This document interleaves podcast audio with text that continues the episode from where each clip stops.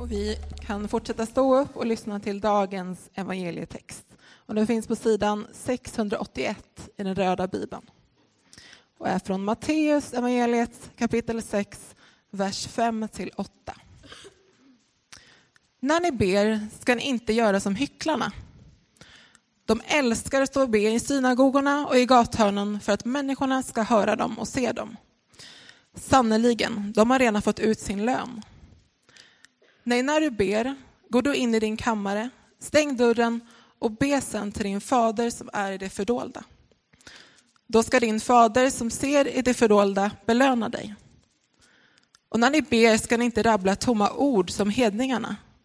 De tror att de ska bli bönhörda för de många ordens skull. Gör inte som dem, ty er fader vet vad ni behöver redan innan ni har bett honom om det. Så lyder det heliga evangeliet.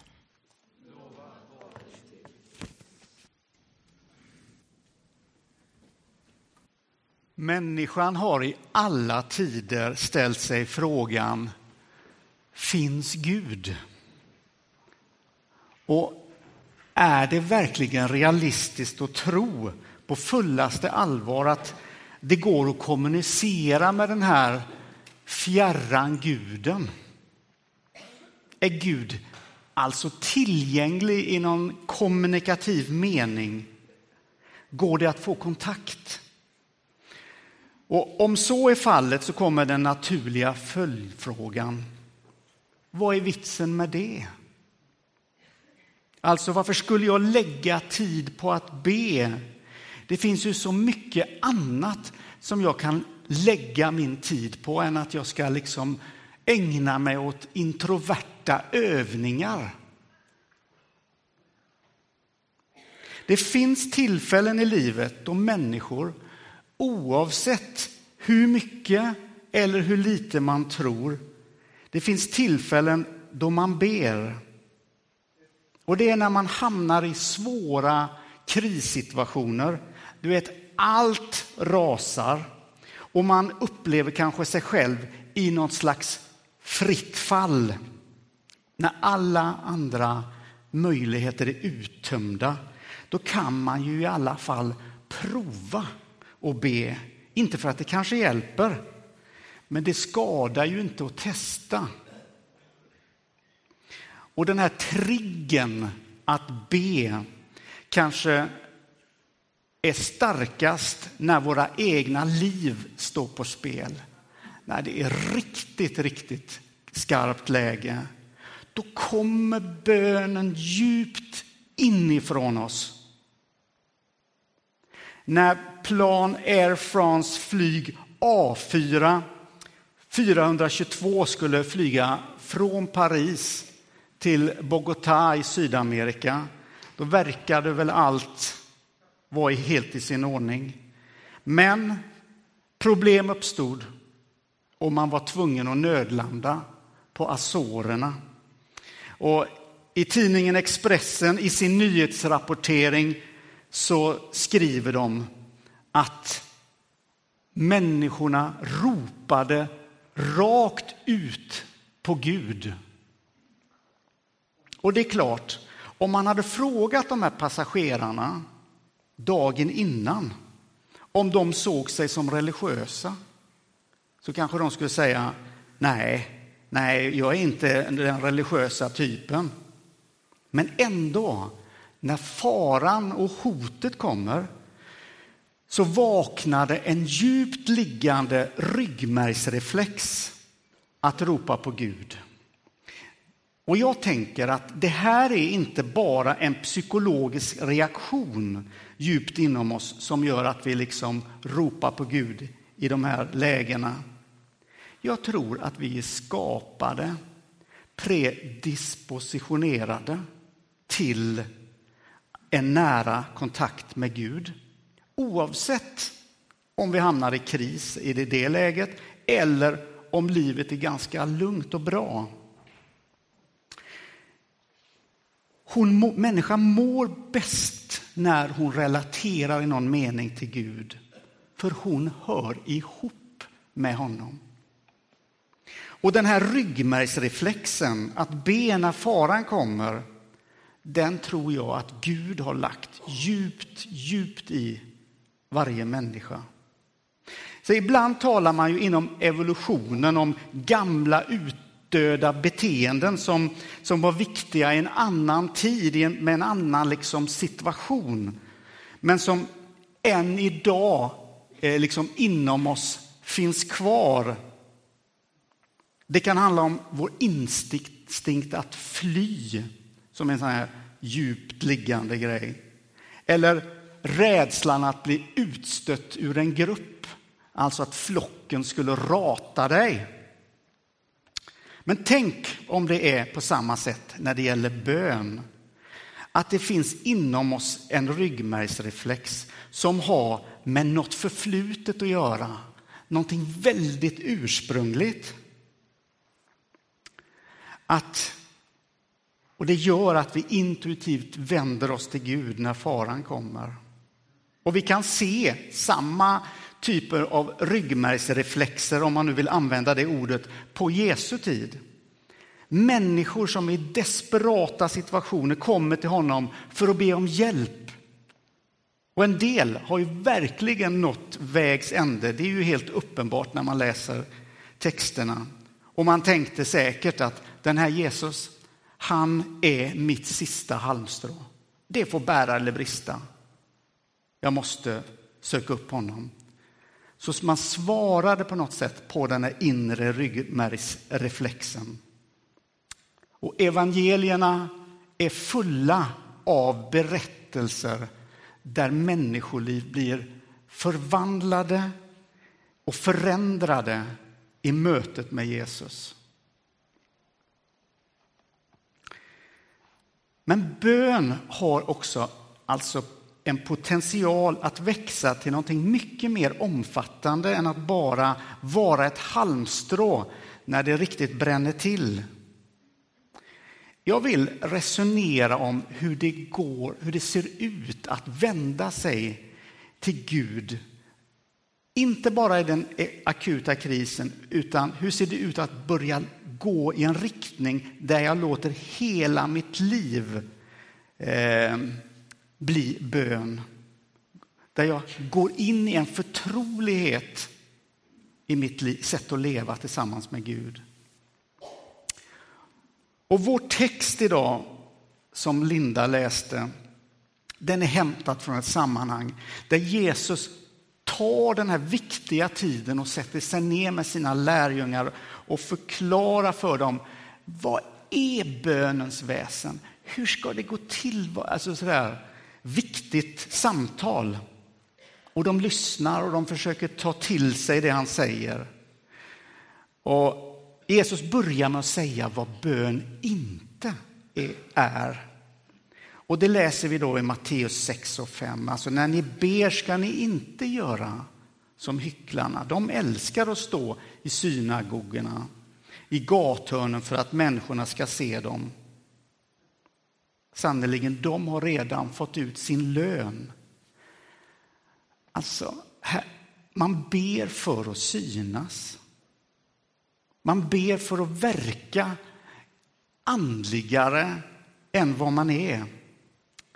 Och man har egentligen ingen aning om vad förtrolighet är. Alltså bönens förtrolighet. Två hjärtan nära varandra. Men det är just det som är bönens innersta väsen. Så är det förtroligheten. Och det är klart att det i alla sammanhang finns såna här beteendemarkörer som signalerar vad som, vad som är viktiga saker i, i olika grupper. så här. Och de personerna Jesus nämner, de har ju fattat det här med de andliga markörerna och hur man använder dem. Men de har tappat syftet med bönen. Det är ju som om jag skulle köpa en, en riktigt fet klocka, en Rolex-klocka och sen skulle jag ha den på armen och så skulle jag känna hur den signalerar, markerar eller skickar ut små markörer till alla människor som, som är, är, smarta nog då att uppfatta att det här är en sån klocka jag har. Men jag går där och sänder signalerna, men jag har helt tappat bort vad det ursprungliga syftet med klockan var. Det var ju egentligen för att, att jag ska kunna hålla någon slags grepp om vad jag är i tid och rum. Så när vi blir upptagna med de här andliga markörerna och skickar budskap till andra om vad jag är och vad jag gör, det är då det börjar bli problematiskt i det kristna livet.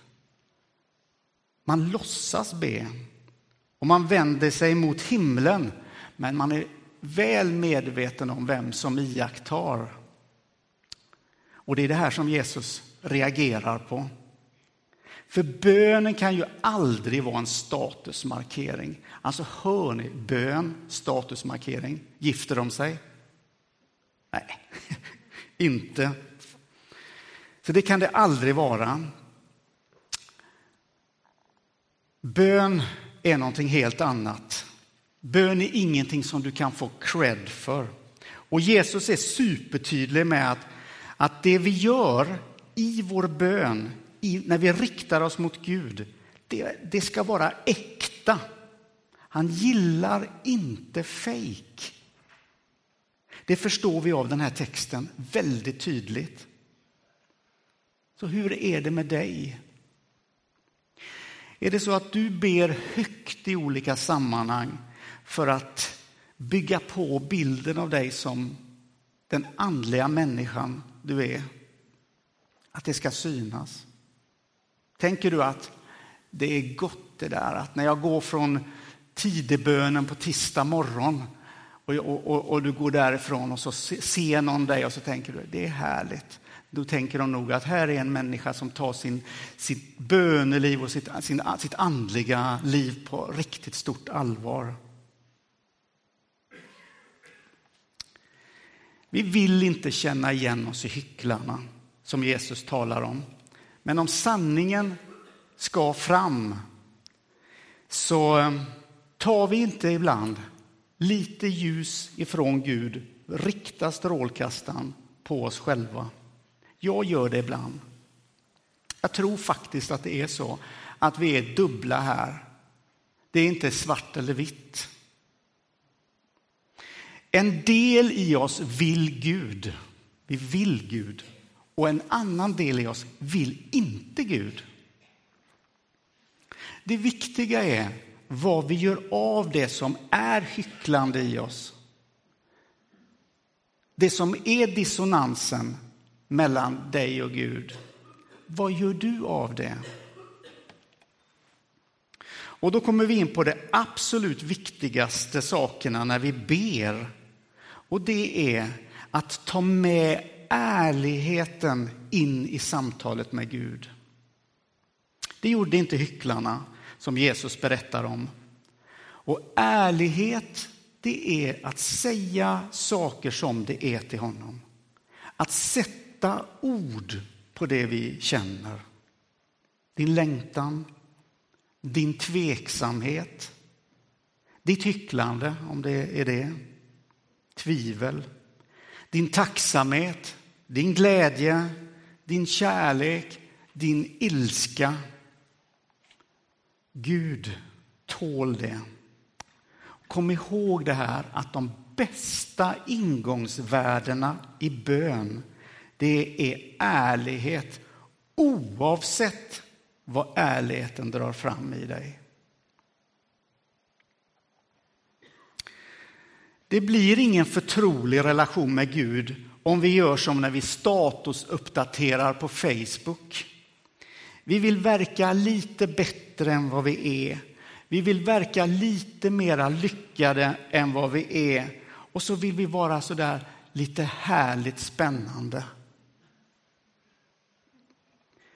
Gud vill inte ha en retuscherad bild av dig. Han är intresserad av den verkliga du med allt vad det innebär. Med allt vad det innebär. Och det kan vara så att du och Gud får leva med att det finns saker som skaver. Och det är som det ska. För vad är bön om det inte tål spänningar? Är det sann vänskap att gå som katten kring het gröt och aldrig prata om vad det verkligen handlar om? Lyssna på detta. Det som skaver i dig behöver inte på något sätt hindra dig från att komma riktigt, riktigt nära Jesus.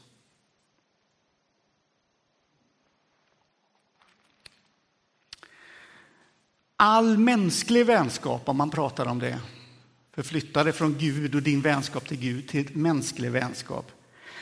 All mänsklig vänskap djupnar ju successivt i takt med att man lär känna den andra. Det är en process. Och det man behöver höra, det, göra då, det är ju att avsätta tid med den personen som du har lärt känna och du tycker att det här, det här, den här människan vill jag bli vän med. Att du avsätter tid för att umgås med honom eller henne. Liksom. Om du nu har någon ambition med den relationen. Och det är precis likadant med bönen. Förtrolighet mellan Gud och den bedjande människan växer ganska sakta. Och det är ingenting som går att pressa fram. Du kan ju bara vara där du är i dig själv, i ditt möte med Gud. Och i den processen så får den ömsesidiga förtroendet växa. Hycklarna som Jesus pratar om i texten, de kan aldrig få tag i den förtroliga bönen för de är så upptagna med att ha allt sitt ljus på sig själv.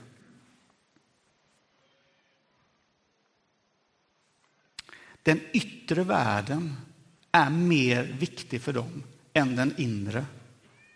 Och det är här vi behöver ställa oss några frågor, tänker jag. Hur ser mitt böneliv ut?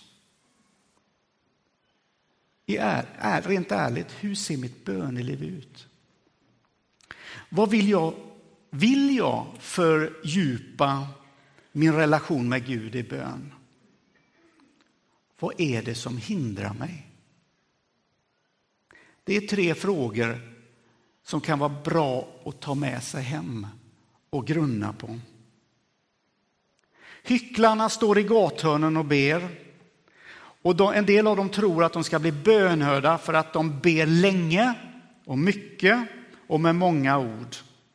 Men vi läste att Gud vet vad, vi, vad som är på vårt hjärta innan vi ens har formulerat det. Så Jesus han pekar på ett annat sätt att förhålla sig till bön som handlar om att dra sig från strålkastarljuset och, och dra sig undan och söka ensamheten med Gud. Nej, när du ber, gå då in i din kammare. Stäng dörren och be sen till din fader som är i det fördolda. Låter det här klaustrofobiskt i dina öron? Att gå in och stänga dörren och gå in ensam med Gud.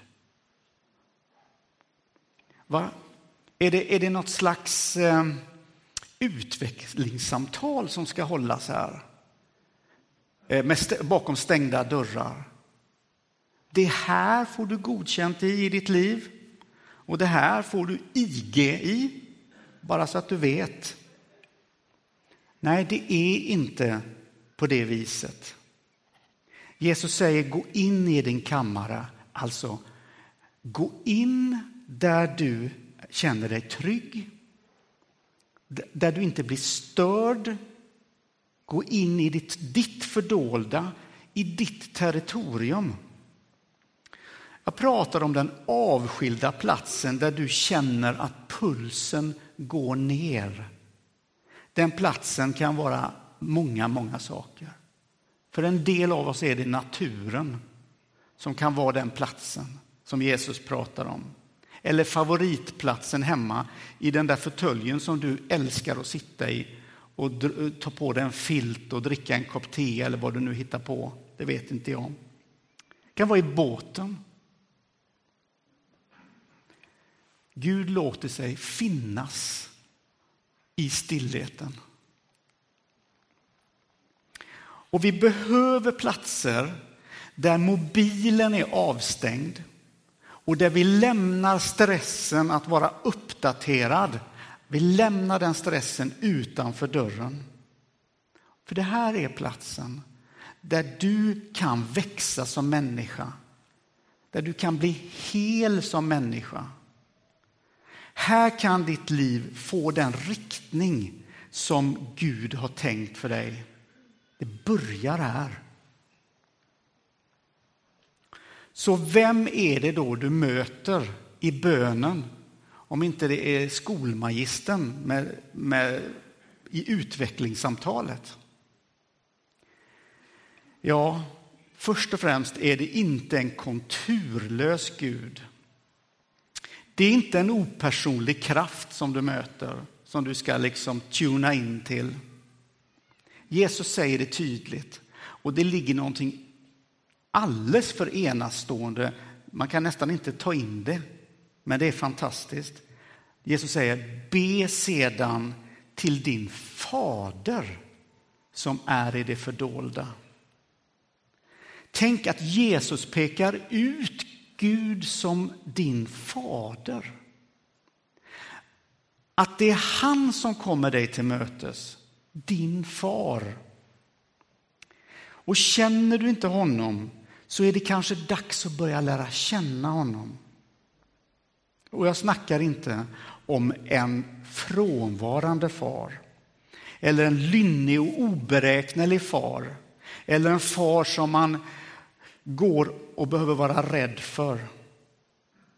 Så vad ligger i det här begreppet fader i det här sammanhanget? Jo, det första det är att han är bara kärlek. Och han tar sitt faderskap på fullaste allvar. Och att han är din fader betyder att det finns ett släktskap mellan dig och Gud.